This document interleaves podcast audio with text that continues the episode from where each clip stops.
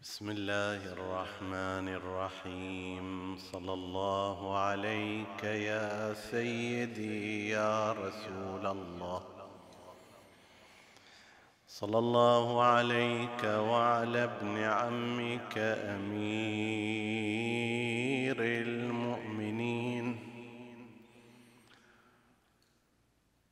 وعلى أهل بيتك الطيبين الطاهرين.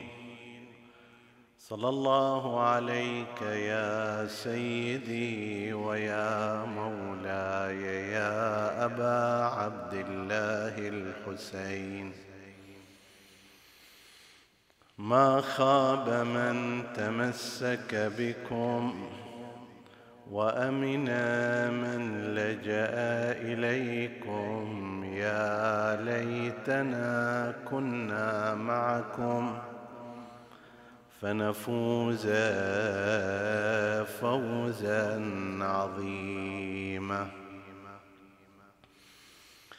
قال سيدنا ومولانا رسول الله صلى الله عليه وآله أنا مدينة العلم وعلي بابها.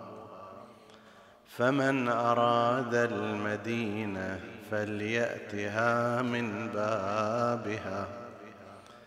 أنا مدينة الحكمة وعلي بابها. أنا مدينة الفقه وعلي بابها. صدق سيدنا ومولانا النبي محمد.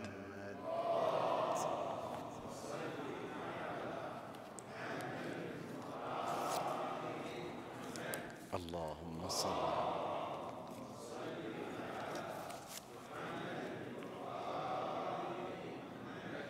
اللهم صل على محمد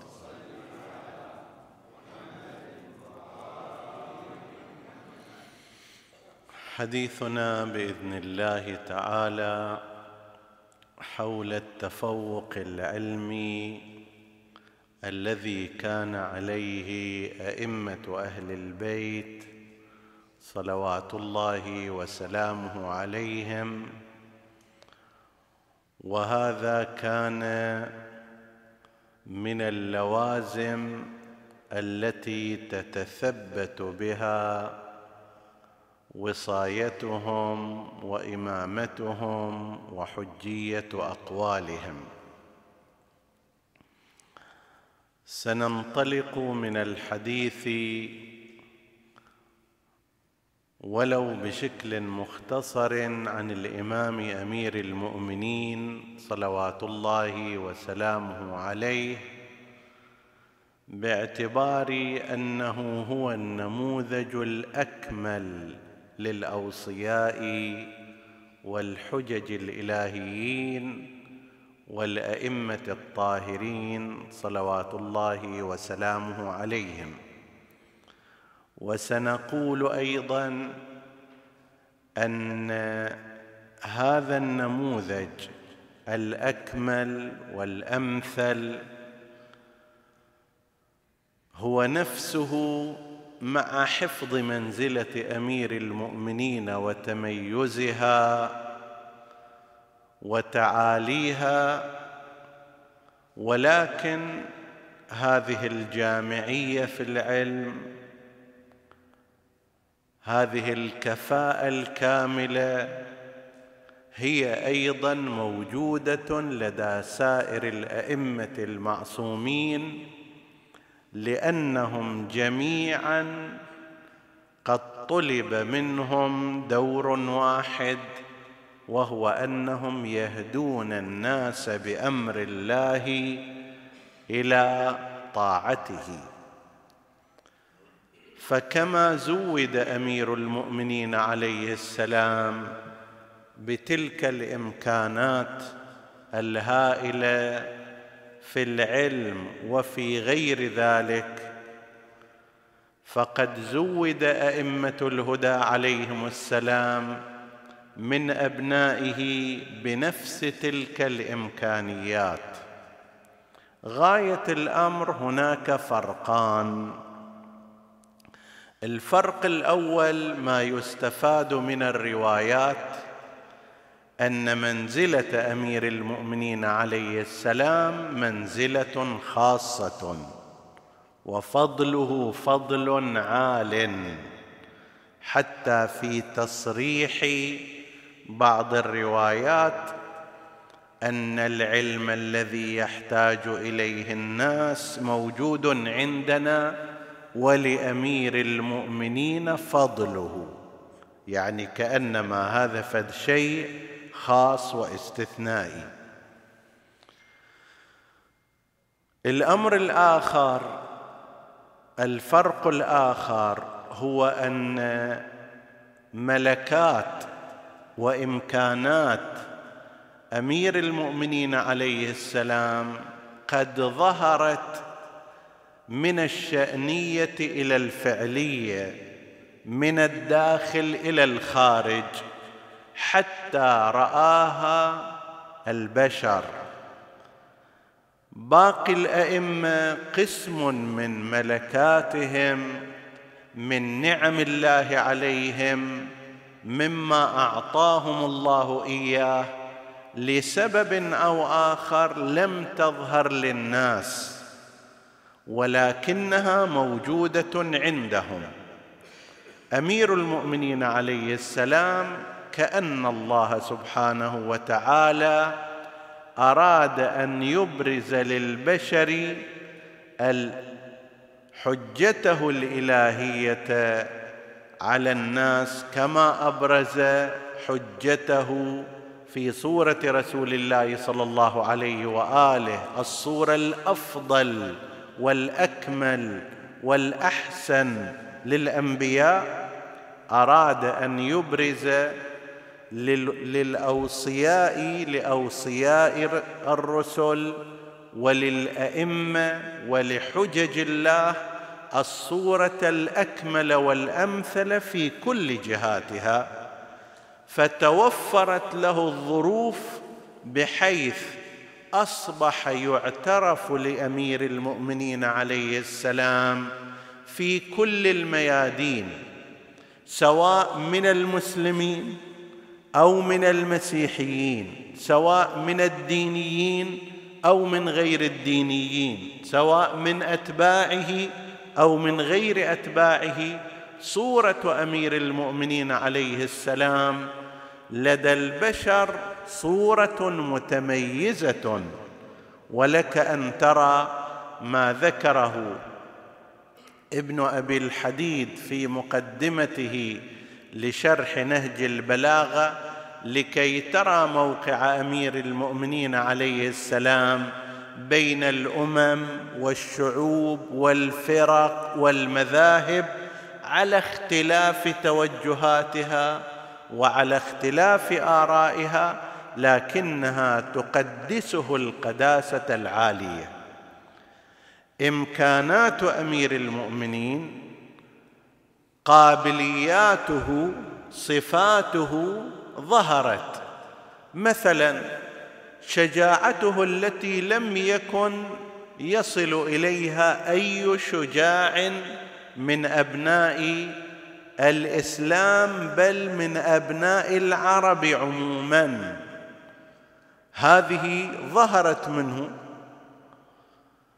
لكن بالنسبة إلى سائر الأئمة لم يظهر هذا. يعني الإمام الصادق عليه السلام لم يكن هناك ظرف يقتضي أن يحارب بالسيف وأن يخوض معركة يتبين فيها شجاعته العسكرية وخططه الحربية وقوته البدنية. لكن هذا حصل لأمير المؤمنين عليه السلام خلال ما يقرب من أربعين سنة كما قال لقد نهضت بها وأنا دون العشرين وها أنا ذا قد ذرفت على الستين.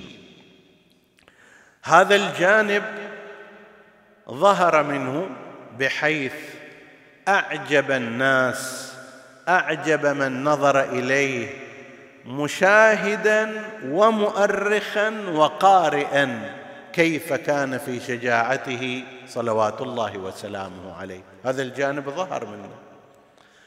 طريقة حكمه وسيرة عدله بين الناس مع قصر المدة التي كان فيها وهي خمس سنوات وشهور كما نقلوا إلا أن هذه الفترة من الحكم والإدارة للمجتمع والعدل والإنصاف ومبادئ الحرية والمبادئ العالية في الحكم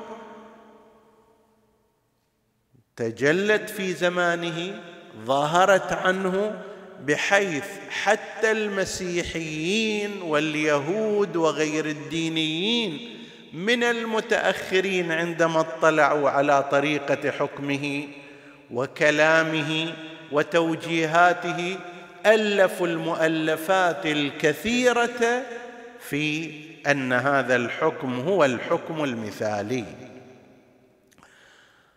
انظر إلى جورج جورداق وما كتب علي وحقوق الإنسان. علي ومبادئ الثورة الفرنسية علي وما أدري كذا وغيره ممن كتبوا وهو الكثير. لو أراد الإنسان أن يذكر عدد الكتب التي كتبها عنه غير المسلمين لوجد شيئا كثيرا.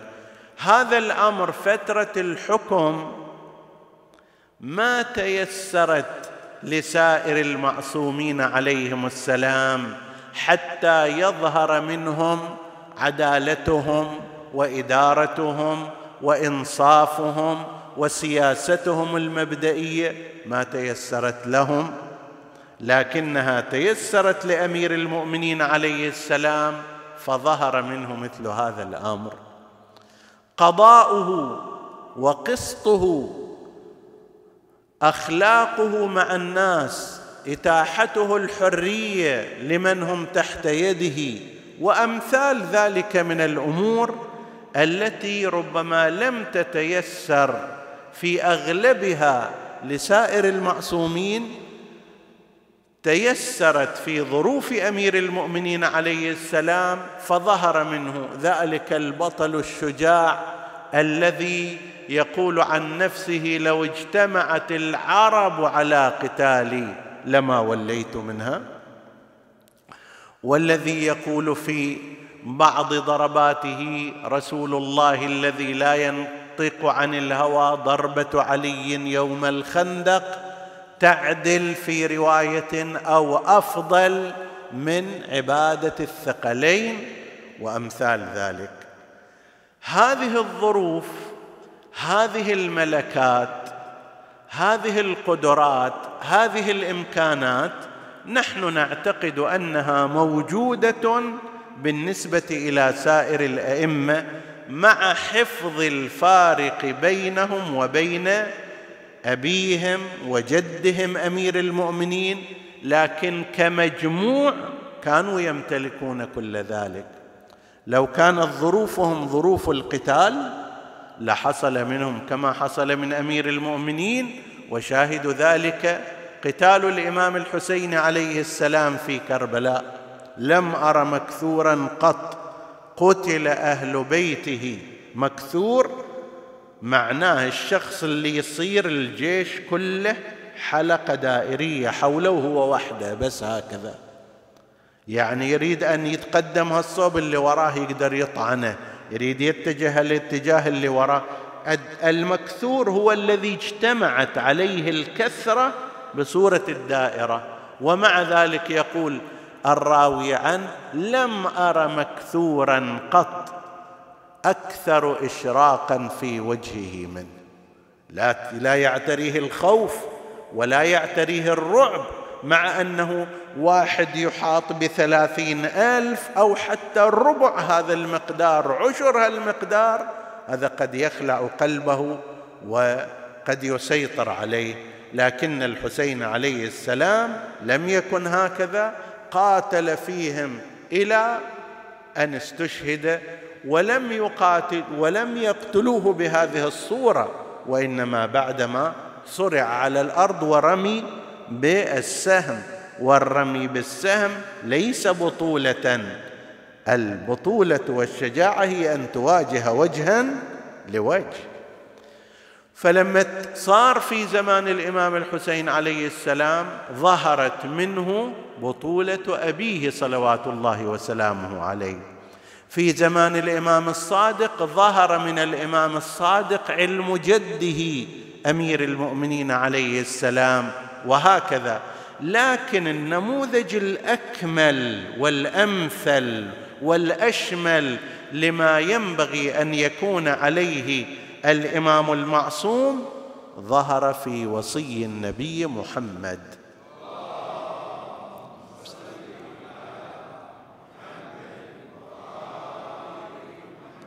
من هذا المنطلق نحن نتحدث ونؤكد على أن العترة المعصومة عترة النبي الأئمة الاثني عشر يحملون هذه الصفات وهذه الإمكانات. وحديثنا الآن هو في الجانب العلمي بشكل أساس. الإمام أمير, أمير المؤمنين عليه السلام ومن بعده أبناؤه. أول جهة من الجهات أن علمهم كما ذكرنا في وقت سابق مصدره مصدر إلهي وليس مصدرا بشريا. يعني ما في واحد يقدر يقول لنا أنه متى وعلى يد من تعلم علي بن أبي طالب الكتابة والقراءة. على يد من تعلم لا أحد يقول. متى وكيف تعلم أمير المؤمنين عليه السلام مبادئ الحساب والكسور وقسمة الميراث وعلى البداهة؟ في زمان ما قبل بعثة رسول الله كان الذي يعرف مجرد القراءة والكتابة عدد قليل. بعضهم قال اثنان في قريش وبعضهم قال سبعة عشر. الذي كثر قالوا سبعة عشر واحد. كانوا يعرفون القراءة والكتابة وإذا عرف شخص منهم في ذلك الزمان بالإضافة إلى القراءة والكتابة الرماية والسباحة يسمى بالكامل. هذا إنسان بعد كامل ما وراه شيء. الآن كم من الناس يعرفون قراءة وكتابة ورماية وما أدري سباحة وغير ذلك. بس هاي مقاييس ذاك المجتمع بهالمقدار هذا. متى تعلم أمير المؤمنين عليه السلام عقائد التوحيد؟ إلى الدرجة التي عندما تكلم فيها في نهج البلاغه ودون ذلك إجا بعد ذلك علماء من مدرسة الخلفاء قالوا هذا مستحيل أن يكون من علي بن أبي طالب. ليش؟ قالوا لأن الناس في زمانه حدهم حدهم إذا بيتكلموا في التوحيد يفهمون قل هو الله أحد الله الصمد. الآن من عده فقد حده ومن حده فقد ثناه ومن ومن إلى. شنو هذا الكلام؟ هذا كلام لا يقوله إلا أشخاص متمرسون في العقليات وأمور العقائد. الغريب أن هالحكي هذا يقولون ما استكثروا على الشريف الرضي لأنه مثلا إذا علي بن أبي طالب ما قاله والشريف الرضي كتبه في نهج البلاغة يعني هذا من تأليف الشريف الرضي. فما استكثروا على الشريف الرضي استكثروه على من؟ على أمير المؤمنين عليه السلام. والشريف الرضي لا يصل إلى عشر معشار ذرة من علم أمير المؤمنين عليه السلام. لا هو ولا غيره. شريف الرضي كان عالما واديبا وعظيما. لكن لا يمكن أن يقاس أحد بأمير المؤمنين عليه السلام. وهو القائل لا يقاس بآل محمد أحد أبدا لا شريف الرضي ولا غيره. ولا يسوى بهم من جرت نعمتهم عليه. هم واسطة النعمة الإلهية لهؤلاء الناس. كيف يساويهم؟ كيف يساوي هؤلاء الناس آل محمد صلوات الله عليه وعليهم؟ فالشاهد أنه لما تكلم في العقليات في مواضيع العقيدة في القضايا الإلهية قالوا ما ما يمكن أن يتكلم علي بن أبي طالب فهذا صحابة رسول الله وهم يا الله يفهمون الأوليات. فضلا عن أن يتكلموا فيها فضلا عن أن يتكلموا في البراهين العقلية. هذا مو مستواهم. صحيح كلامكم كله صحيح. وهذا هو الذي يجعلنا نقول بأن عليا عليه السلام هو وصي رسول الله والقائم مقامه ووارث علمه وباب مدينة علمه وباب مدينة حكمته وأنه الباب الذي من أتاه أتاها. هذا اللي يخلينا نقول وإلا لو كان يتكلم كسائر الصحابة إيش عندنا وياه إحنا؟ لولا أن الله اختصه بما اختصه لكان واحدا من أولئك.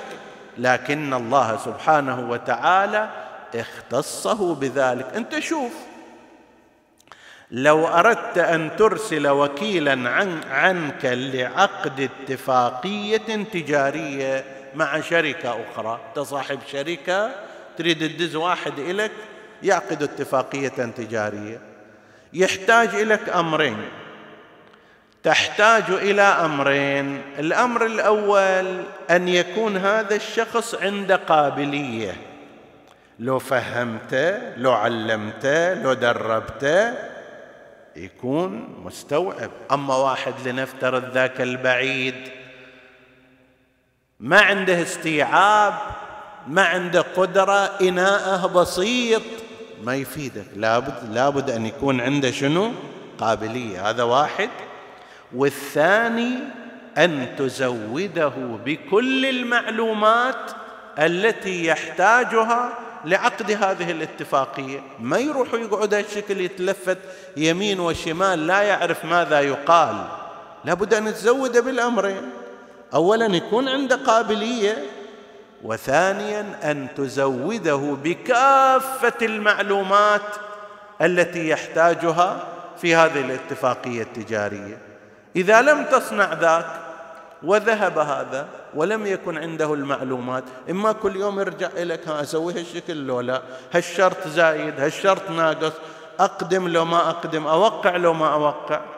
أما إذا كان هو عنده قابلية ذلك وانت زودت بكافة المعلومات خلاص أنت مطمئن أنه هذا مستوعب الموضوع بكامله وأي مسألة تطرأ في هذا الموضوع هو يقدر يحلها. الله سبحانه وتعالى عندما جعل الأنبياء رسلا للناس اولا هذول لازم يكون عندهم قابلية لتحمل الوحي وثانيا زودهم بهذا الوحي والعلم بحيث لو أراد منهم من أراد من أجوبة على مختلف الأسئلة يستطيعون الإجابة عليه بل زودهم بالمعجزة أيضا. وبالنسبة إلى الاوصياء في عقيدتنا الإمامية الكلام هو الكلام. لابد أن يكون علي بن أبي طالب عنده قابلية وأهلية لذلك عنده وعاء يستوعب يستوعب كل هذا. بعدين يأتي رسول الله صلى الله عليه وآله ويفرغ في هذا الوعاء كل العلم الذي يحتاج إليه البشر في طريقهم إلى الله عز وجل. يرث منه هذا العلم يصبح باب مدينة علمه. حتى ذاك الوقت أي واحد سأل سؤال في أي موضوع من المواضيع يكون جاهز الجواب. ما يقول له لا انتظر أروح أسأل. وتسأل منه النبي توفي النبي توفي تسأل من؟ أنت المفروض الوصي. تنتظر الوحي ينزل عليك؟ انقطع الوحي في مثل هذه الأمور بوفاة رسول الله صلى الله عليه وآله. بين قوسين. جبرائيل كان يتنزل. ها قسم من الناس يقولون وقد سئلنا اليومين أنه كيف تقولون أن نزل جبرائيل ونادى بين السماء والأرض تهدمت والله أركان الهدى. والحال أن جبرائيل لا ينزل بعد رسول الله.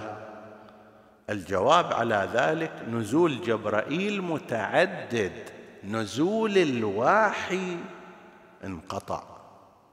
لكن مو أصبح عاطل جبرائيل خلاص ذب استقالة وقعد إلى جنب. ما يرتبط بالوحي أي إنسان يجي يقول بعد ذلك نزل علي جبرائيل بالوحي من الله عز وجل في التشريعات نقول له مسامحة. جبرائيل بعد النبي لا ينزل بالوحي وبالقرآن. قرآن ختم والوحي الذي كان ينزل على رسول الله توقف لكن ما تعطل جبرائيل. جبرائيل يبقى ذلك الملك المقرب المتصرف. طيب يقوم بأدواره وهذا أن يأتي وينزل بين السماء والأرض. لا لما نزل جبرائيل وقال لا سيف إلا ذو الفقار ولا فتى إلا علي. هذا مو وحي قرآني. هذا ليس وحيا قرانيا وإنما شعار من أجل أن يبقى هذا المعنى ثابتا. هذا غير. يا رسول الله اقرأ بسم الله الرحمن الرحيم كذا وكذا. فنزول جبرائيل متكرر ومتعدد وله أدوار مختلفة. نعم ما يرتبط بالنزول الوحياني القرآني توقف بعد رسول الله صلى الله عليه وآله. على كل حال الشاهد على هذا أن أمير المؤمنين عليه السلام استلم علم رسول الله وسلمه إلى أبنائه وكل ذلك بطريق غيبي غير غير معهود وغير معلوم للناس. أنت ترى مثلا بعض أئمة الهدى عليهم السلام تولوا الإمامة وعمرهم ثمان سنوات سبع سنوات. متى تعلموا كل هذه الأمور؟ تفسير القرآن إيش قد يحتاج الإنسان حتى يعرف تفسير القرآن؟ العقليات والعقائد إيش قد يحتاج الإنسان؟ الميراث إيش قد يحتاج حتى يدرسه؟ أبواب الفقه المختلفة كلها إيش قد يحتاج حتى يدرسه؟ العلوم الأخرى إيش قد يحتاج. إذا كان تعلم طبيعي لا يمكن أن تقول الإمام الجواد أعجز من كان في زمانه من الفقهاء والإمام الهادي أعجز من كان في زمانه في أسئلتهم وقضاياهم ومسا من وين جاب هذا الحكي هذا كله؟ هذا العلم من أين أتى به؟ بل غير ذلك أمير المؤمنين عليه السلام خلينا فيه وبعدين نعرج على الأئمة المعصومين عليهم السلام. من المعروف أن أمير المؤمنين صلوات الله وسلامه عليه غير العلوم الدينية حسب التعبير اللي هي بذاتها أعجوبة في أن يعرفها الإمام يعرف تأويلها وتفسيرها وما من آية نزلت في ليل أو نهار إلا وعرفتها وعرفت تفسيرها وتأويلها. ويقول اسالوني يقول اسالوني مو أنه فقط ادعاء تفضلوا اسالوا أي واحد يسأل سؤال. وكان هناك من يخالفه ويهمه جدا لو أن أمير المؤمنين سئل سؤالا في أي مجال من المجالات وتوقف عن الإجابة عليه هذا هذا منى. مخالفي أمير المؤمنين عليه السلام. والإمام مو بس هذا حتى في العلوم الطبيعية مبادئ الحساب والميراث.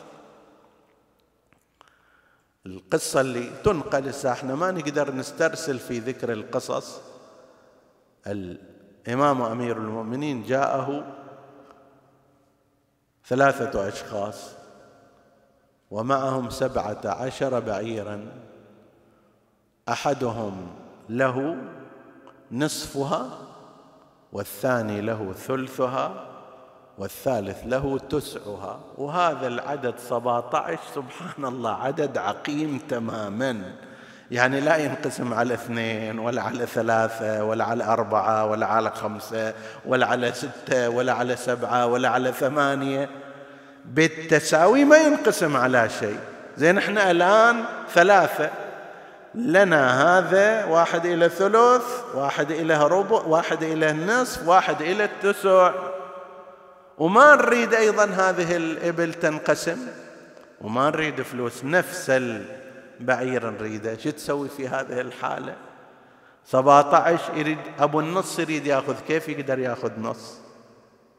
ما نريد هم تعويض لأنه ذاك يقول أنت إذا تعطيني القيمة أعطيني البعير وأعطيه القيمة.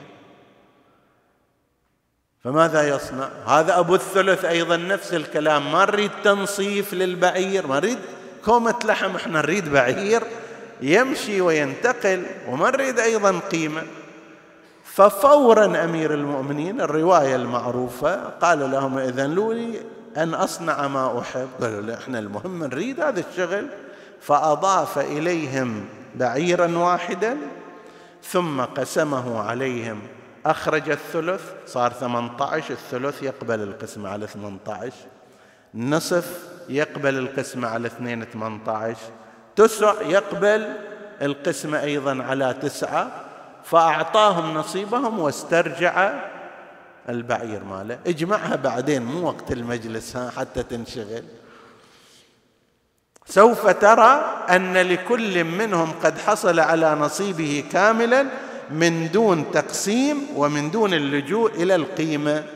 طيب أن يتوجه إنسان يمكن تقول أنت أنه الآن بالإمكان من خلال الكمبيوترات وما أدري كذا وش نطلع على أنه ما تطلع بس في ذاك الوقت أن يهتدي الإنسان إلى مثل هذا الأمر لم يكن شيئا طبيعيا أو أن جماعة جاءوا إليه وهو في أثناء خطبته في المسجد وقالوا له واحد قال له يا سيدي عندي مسألة في الميراث وطرحها عليه وأريد أعرف نصيب الزوجة. هذه أختي الزوجة قال صارت صار ثمنها تسعا تسعا ومشى في خطبته. بعدين حسبوها فعلا صار هكذا الأمر.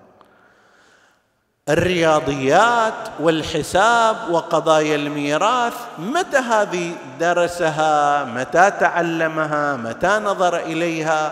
هذا اللي يمر على ماء جار منحدر فيقول لو شئت لأخرجت من هذا نورا.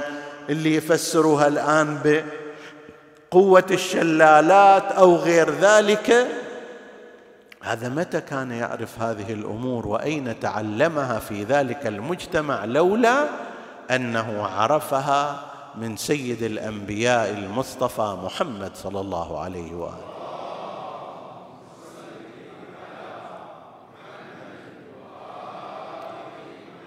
ورسول الله إنما عرفها من ربه. إحنا نستعظم بعض الأشياء اللي هي عند الله جدا يسيرة وسهلة. الله في القرآن يقول ما خلقكم ولا بعثكم إلا كنفس واحدة كم من مليارات البشر من أول الخلق إلى قيام الساعة؟ الآن إحنا العالم قريب ثمانية مليارات. هالفترة هذه قبل مئة سنة شقد قبل مئتين سنة شقد. اجمعهم كلهم من بدء البشرية إلى يوم القيامة. ما أدري كم يصير الله العالم. آلاف المليارات أقل أكثر. يقول الله سبحانه وتعالى خلقكم كل هذا أيها البشر. وبعثكم بعد الموت أصل الخلق مالكم ثم بعثكم من جديد بعد أن صرتم ترابا واضمحل اضمحلت أجسامكم وأجسادكم. الآن تصور تروح تدور على واحد في المقبرة مدفون قبل ألفين سنة وش تحصل منه؟ يقول كل هذا ما خلقكم ولا بعثكم إلا كنفس واحدة. شغل مال رجال واحد. الواحد والتريليون عند الله سبحانه وتعالى شيء واحد. لا في ذاك تعب ونصب ولا في هذا تعب ونصب ولا ذاك يحتاج إلى محاولة ولا هذا يحتاج إلى محاولة. إحنا البشر بعجزنا ونقصنا وضعفنا. نريد نقرأ كتاب يحتاج لنا ساعتين ثلاث ساعات. وهالفكرة نسيناها ونرجع إليها نطالعها وذاك الموضوع يحتاج نتأكد نلخصه. الله سبحانه وتعالى لو أراد أن يعطي علوم الأولين والآخرين وما خلق الله شقد من المعلومات؟ مئات المليارات من التريليونات من المعلومات. يريد يعطيها إلى واحد من خلقه. ما يحتاج إليها شيء هذه لا تستكثر يعني ولا تستعظم. الذين يستعظمون هذا ويستكثرونه يقيسون على أنفسهم وشتان بينهم وبين خالقهم. فالله سبحانه وتعالى أعطى نبيه. ذاك الشيء الذي يقول ولسوف يعطيك ربك فترضى. كل العلوم أعطاك الله إياها كل الكرامات كل المنازل ولا يضيره شيء ولا يضره شيء. هذه أيضا المعلومات الآن البشر وصل إلى قريب فهم منها. يقول لك يا أبا هذا الآن فلاشة هالقد فيها مليار معلومة؟ زين خليها في الكمبيوتر يطلعها لك طبعا ماكو قياس بين ما نتحدث عنه وبين هذا. وإنما هذا فقط تمثيل وتشبيه. أقول لك كيف أن الأمر صار سهل في نقل العلم بهالمقدار؟ دون ذلك وأسهل من ذلك وهو أهون عليه. يقول ربنا سبحانه وتعالى وهو أهون عليه. أن ينقل علم البشر كله إلى رسول الله. ما فيها شيء. ولذلك يأتي أمير المؤمنين عليه السلام ويقول لو ثنيت لي الوساده لحكمت بين أهل التوراة بتوراتهم وبين أهل الإنجيل بإنجيلهم وبين أهل الزبور بزبورهم. مو شيء هذا استثنائي هذا أمر بسيط جدا. وهذا نفسه العلم انتقل إلى أبنائه صلوات الله وسلامه عليهم هذا من الأمور التي علمهم بالكتب السماوية السابقة. كانوا يقرؤون كما مر علينا مرارا في هذا المجلس المبارك. كانوا يقرؤون عن حفظهم مما نزل على الأنبياء السابقين مما لا يعرفه غيرهم من فقهاء الإسلام لأن فقهاء الإسلام العاديين يحتاجون إلى دراسة عادية كسبية وعمرهم ما يكفي لكل هذا الأمر.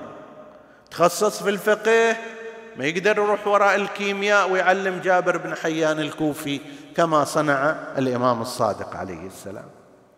تخصص في العقائد ما يلحق على الأمور الطبيعية كما كان لدى أمير المؤمنين صلوات الله وسلامه عليه. وهكذا. لكنه لما كان من مصدر الهي تبين أن هذا ما يحتاج إلى كل هذه الأمور. أئمتنا صلوات الله وسلامه عليهم تعرضوا أيضا لأسئلة وتبين للناس أن هؤلاء لا يقاس بهم أحد. جاء يهوديان بعد وفاة رسول الله بقليل إلى المدينة المنورة قالوا لهم إحنا جايين وقد سمعنا أن نبيا بعث هنا في المدينة وعندنا أسئلة إلى إذا صدق هذا نبي لو مو نبي إحنا عندنا معلومات في كتبنا السماوية. فنريد نختبره نمتحنه قالوا لهم رسول الله انتقل إلى رضوان الله عز وجل. قالوا كل نبي له وصي.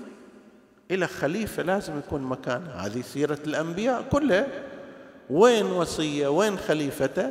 اشاروا إلى الخليفة الجالس في مكانه فجاءوا إليه أنت خليفة رسول الله؟ قال بلى.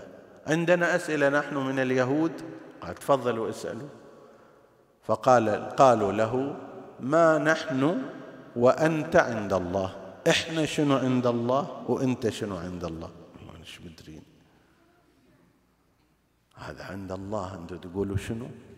ما نحن وأنت عند الله. ثم ما أرض أشرقت عليها الشمس مرة واحدة ولم تشرق عليها بعد ذلك أبدا. ثم ما قبر يسير بصاحبه يسير بمن دفن فيه. ثم ما نفس في نفس ليس بينها قرابة ولا رحم.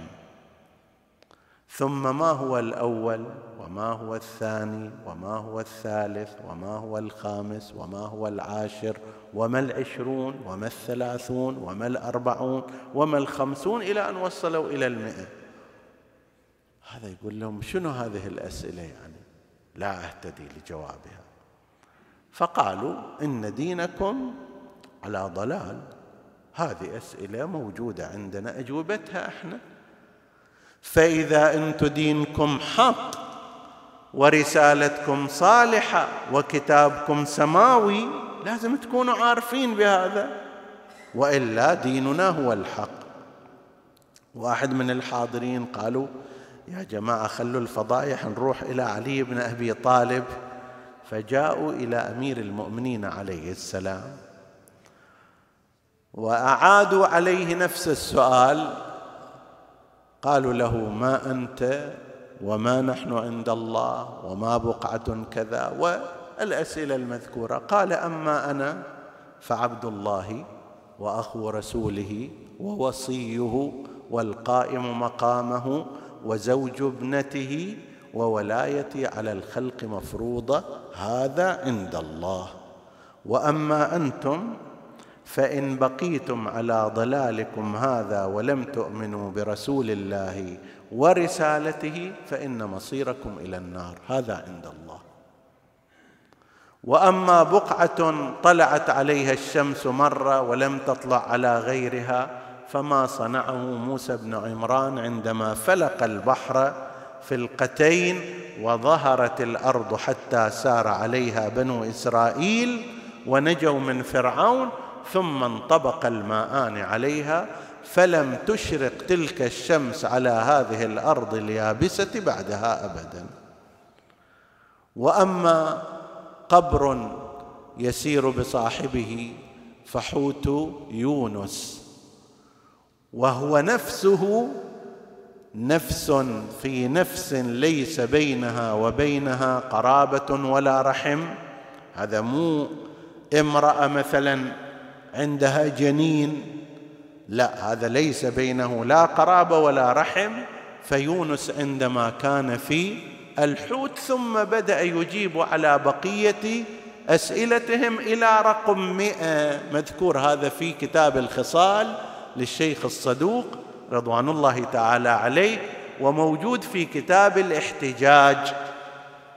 أنصح إخواني وأخواتي المؤمنين والمؤمنات إذا اتسعت أوقاتهم أن يلقوا نظرة على كتاب الاحتجاج للشيخ الطبرسي رضوان الله تعالى عليه. من الكتب النافعة جدا فيها مناظرات رسول الله صلى الله عليه وآله احتجاجات أمير المؤمنين عليه السلام أجوبة الإمام الحسن أجوبة الإمام الحسين شيء بديع جدا ونافع جدا وما يرتبط لازم تقرأ كل مرة واحدة حتى لو خليت لك كل كم يوم تقرأ كم صفحة فهذا نافع ومفيد مما ورد فيه أيضا هذه القصة. فالإمام أمير المؤمنين عليه السلام يتلقى هذا التحدي والمواجهة ويسأل ملك الروم عندما يوجه رسائل أسئلة إلى معاوية وترى هذه الرسائل والأسئلة مو قضية ترفية ها؟ وشنو السالفة؟ واحد يدز رسالة فيها أسئلة؟ نعم لأنه في ذلك الوقت التحدي الأساس هو على أن هل ديننا إلهي ومصادره ربانية؟ وبالتالي يجد إجابة لكل سؤال أو أن ديننا ليس كذلك. يعجز عن إجابة الأسئلة فيتبين اذا هذا الدين مو دين رباني وإنما هو بشري وبالتالي مو أنتم المسلمون تدعوننا لدينكم. إحنا لازم ندعوكم إلى ديننا. ولذلك كانت تصير فضيحة لولا أن أهل البيت عليهم السلام كانوا موجودين وكانوا يجيبون على كل تلك الأسئلة وبالفعل كانوا يصنعون ذلك. وفي داخل الساحة الإسلامية أيضا ما كان يعجز عنه فقهاء البلاط الرسمي والطرف الآخر كان أئمة أهل البيت عليهم السلام هم الذين يتصدون للإجابة عنه. زنادقه يجون فيعجزون غيرهم ويعجزهم أئمة أهل البيت عليهم السلام. يقولون أنه ابن أبي العوجاء عبد الكريم ابن أبي العوجاء معروف أحد رؤوس الزنادقة وتيار الإلحاد في المجتمع المسلم كان في زمان الإمام الصادق عليه السلام. اللي قدروا عليه العباسيون هو أنهم سووا جلاد واحد. أي واحد قال له هذا من الزنادقة وعنده أسئلة وعنده إشكالات؟ طير زين. طيرت رأسه. السؤال بعده باقي. الشبهة بعده باقية. المشكلة بعده باقية. أئمة أهل البيت عليهم السلام كانوا يتصدون لذلك. مما يذكر أكو مناظرات كثيرة مفصلة واحتجاجات طويلة وأكو بعضها على قولنا في سطرين. جاء عبد الكريم ابن أبي العوجاء إلى الإمام الصادق وكان ابن أبي العوجاء لا يرى سائر الفقهاء أهلا لأن يطرح عليهم الإشكال. يعني هل قد كان واثق بنفسه وكان مستهين بهؤلاء إلا مثل الإمام الصادق عليه السلام؟ فجاء إليه الإمام الصادق استبق قال له يا ابن أبي العوجاء أنت مصنوع أو غير مصنوع؟ مخلوق لو مو مخلوق. فهذا سكت ابن أبي العوجاء لأنه إذا قال مخلوق سيسأله فمن الذي خلقك؟ فقال لست لست مصنوعا أنا مو مصنوع. قال له الإمام نعم. لو كنت مصنوعا كيف كنت تكون؟ يعني الآن انت بهالكيفية وبهالشكل والكون كله هكذا وهو ليس مخلوقا ليس مصنوعا. لو كان مصنوع كيف كان هذا الكون؟ وانت كيف كنت شكلك طريقتك وجودك؟ لو كنت مخلوقا ومصنوعا شلون كنت؟ فسكت ولم يستطع أن يجيب على ذلك. لأن وراء هذه أكو مجموعة أسئلة الآن ما عندنا وقت حتى نشير إليها. الشاهد أن أئمة أهل البيت عليهم السلام وفي طليعتهم سيدهم وسيدنا أمير المؤمنين سلام الله عليه لما كانت رسالتهم أن يقوموا بهداية الناس إلى طريق الله كان من اللازم أن يزودهم الله بالعلم الكافي الذي يحتاج إليه البشر في طريقهم إلى الله. فهذا العلم عندهم مو لأجل التباهي ولا لأجل الفخر. ولا لأجل مماراه غيرهم وإسكات الآخرين لا.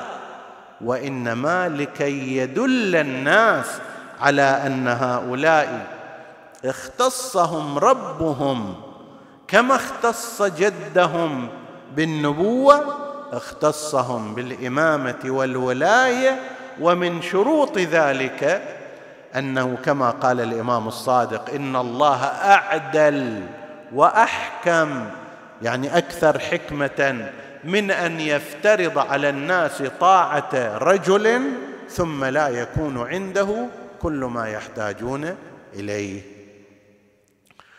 النموذج الأكمل والأمثل الذي ظهرت منه هذه الصفات وعرفها عنه الناس في تكاملها في دائرتها المتكاملة علما وعملا وشجاعة وإدارة وسياسة واخلاقا ونظاما اجتماعيا وغير ذلك هو مولانا أبو السبطين أمير المؤمنين صلوات الله وسلامه عليه.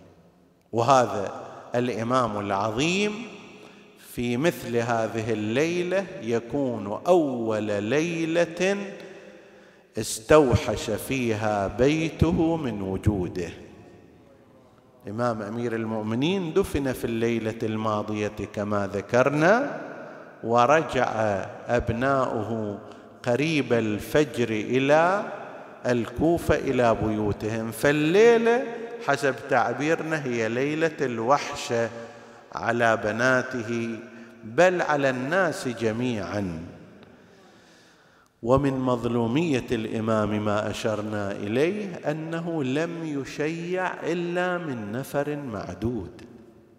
تصور أن هذا الرجل العظيم بطل الإسلام وصي رسول الله ثم يشيع بواسطة أفراد معدودين ويبقى قبره مجهولا مخفيا مدة طويلة من الزمان عن عامة الناس. إلى زمان الدولة العباسية أوائلها زمان هارون العباسي كشف للناس جميعا في قضية مفصلة. وإلا قبل ذلك أكثر الناس لم يكونوا يعرفون قبر أمير المؤمنين عليه السلام. فشابه في هذا زوجته الزهراء سلام الله عليها. في أن تشييعها بعدد محدود وتشييعه بعدد محدود. وفي أن قبرها مخفي إلى يومنا هذا وقبره ظل مخفيا حوالي مئة سنة من الزمان. فانظر إلى هذه الأمة ماذا صنعت بوصي نبيها وببنت نبيها صلوات الله عليهما. رجع في جوف الليل أبناؤه وبنو هاشم ومن خرج للتشييع من خلص الأصحاب لأنه كان هناك خوف وتهديد حقيقي أن الخوارج ينبشون قبر الإمام.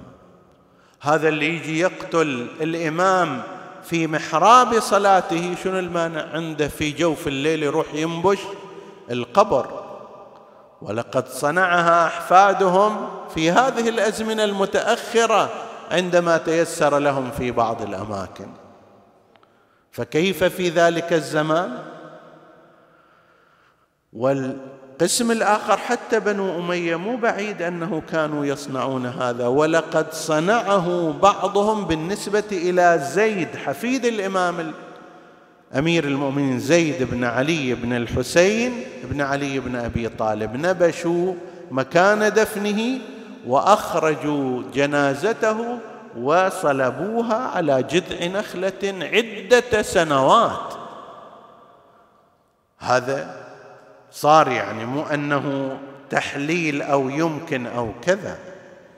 فكان هناك هذا التخوف واردا وموجودا أخفي قبره ولم يحضر الجنازة إلا عدد محدود. كانوا الناس يتوقعون في يوم ثاني لكنهم استبقوا الأمر في الليل وذهبوا لدفنه صلوات الله عليهم.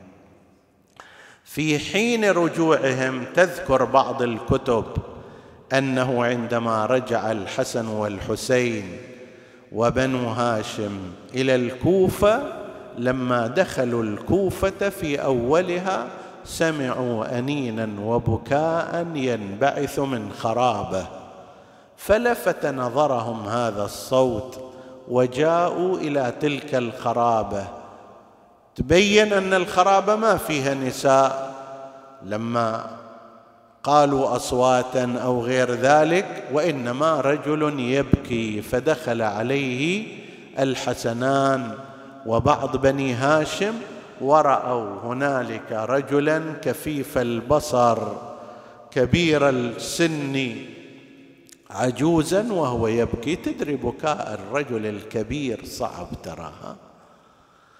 ولا سيما إذا كان عليه آثار العجز مثل أن يكون كفيف البصر ووحده في ذلك المكان فجاء إليه الحسنان. يا عبد الله من أنت؟ ما أنت؟ مما بكاؤك؟ لماذا تبكي؟ أين أهلك؟ أين أبناؤك؟ لمن تنتمي؟ قال لهم أنا رجل وحيد في الكوفة. وليس عندي أولاد أو زوجه فأنا منقطع وكان يأتيني كل ليلة بطعامي وشرابي رجل طيب وقد فقدته منذ ليلتين. هاي ليلتين ما اجى إلي ولم يأت لي بالطعام ولم يتفقد حالي وأنا أخشى أن يكون قد أصابه. يا أيها الرجل مو بس أنت في مثل هالليالي لا يتفقدك أحد. باقي اليتامى والمساكين أيضا يعيشون نفس الشعور بعد فقد علي صلوات الله عليه. يقول فهاي من ليلتين أنا الآن افتقدته لا يمر علي. أخشى أن يكون قد أصابه مكروه. قالوا له ما اسمه؟ قال كنت أسأله عن اسمه فيقول لي ما تصنع باسمي؟ أنا عبد من عباد الله. أبتغي الأجر والثواب من فعلي هذا. صفه لنا. قال أنا رجل كفيف لا أراه ما أعرف أوصافه. قال ولكن كان إذا سبح الله خال لي أن الجدران تجيب تسبيحه كأن الأشياء حولي أيضا تسبح معه. كان وليا من أولياء الله عز وجل. أخذوا يستوصفونه له فعلموا أنه كان أباهم أمير المؤمنين. فقالوا له يا هذا عظم الله لك الأجر بأمير المؤمنين. فهذا علي بن أبي طالب كان يأتي إليك وقد ضرب في محراب صلاته. الآن رجعنا من دفنه في قبره. فبكى بكاء عاليا. بالله عليكم إلا ما أخذتموني إلى قبره. هذا أقل واجب. اخذوه إلى قبر أبيهم فأخذ يبكي على قبر الإمام حتى فارق الدنيا حزنا على سيده أمير المؤمنين. قصة السبطين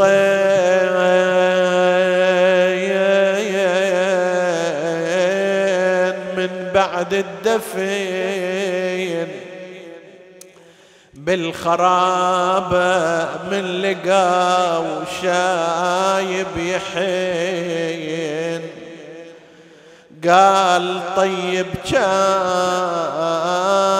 يفقدني ويحين. صار له يومين مدرش عطله. لما سمع لما سمع الحسنان سالت دموعهما. يا يا يل تريد جواب عن هذا السؤال. اللي يفقدك كان موحش منزله من سمع منهم هذا الجواب صاح يا طيب الصفات. عقب عينك أبد ما تحلى الحياة شهق شهقة وذرف دمعة ومات. كنت يا حيدر مثل الأبو إليه. هذا رجل غريب وقف على قبر أمير المؤمنين وحصل له هذا الحال. ما حال من وقفت على قبر أخيها بعد أربعين يوما من فراقه. كأني بها نادت كنت غايبة يا وهسا اجيتك تخاطب أخاها الحسين زينب. كنت غايبة وهسه اجيتك أربعين ليلة فارقتك. وتحت الثرى خويا لقيتك دقعد تلقانا ونزل هالنساوين يا نور عيني باب قبرك قل لي منين؟ والله لسوي لي لحد وياك يا حسين. نسألك اللهم وندعوك باسمك العظيم الأعظم الأعز الأجل الأكرم يا الله.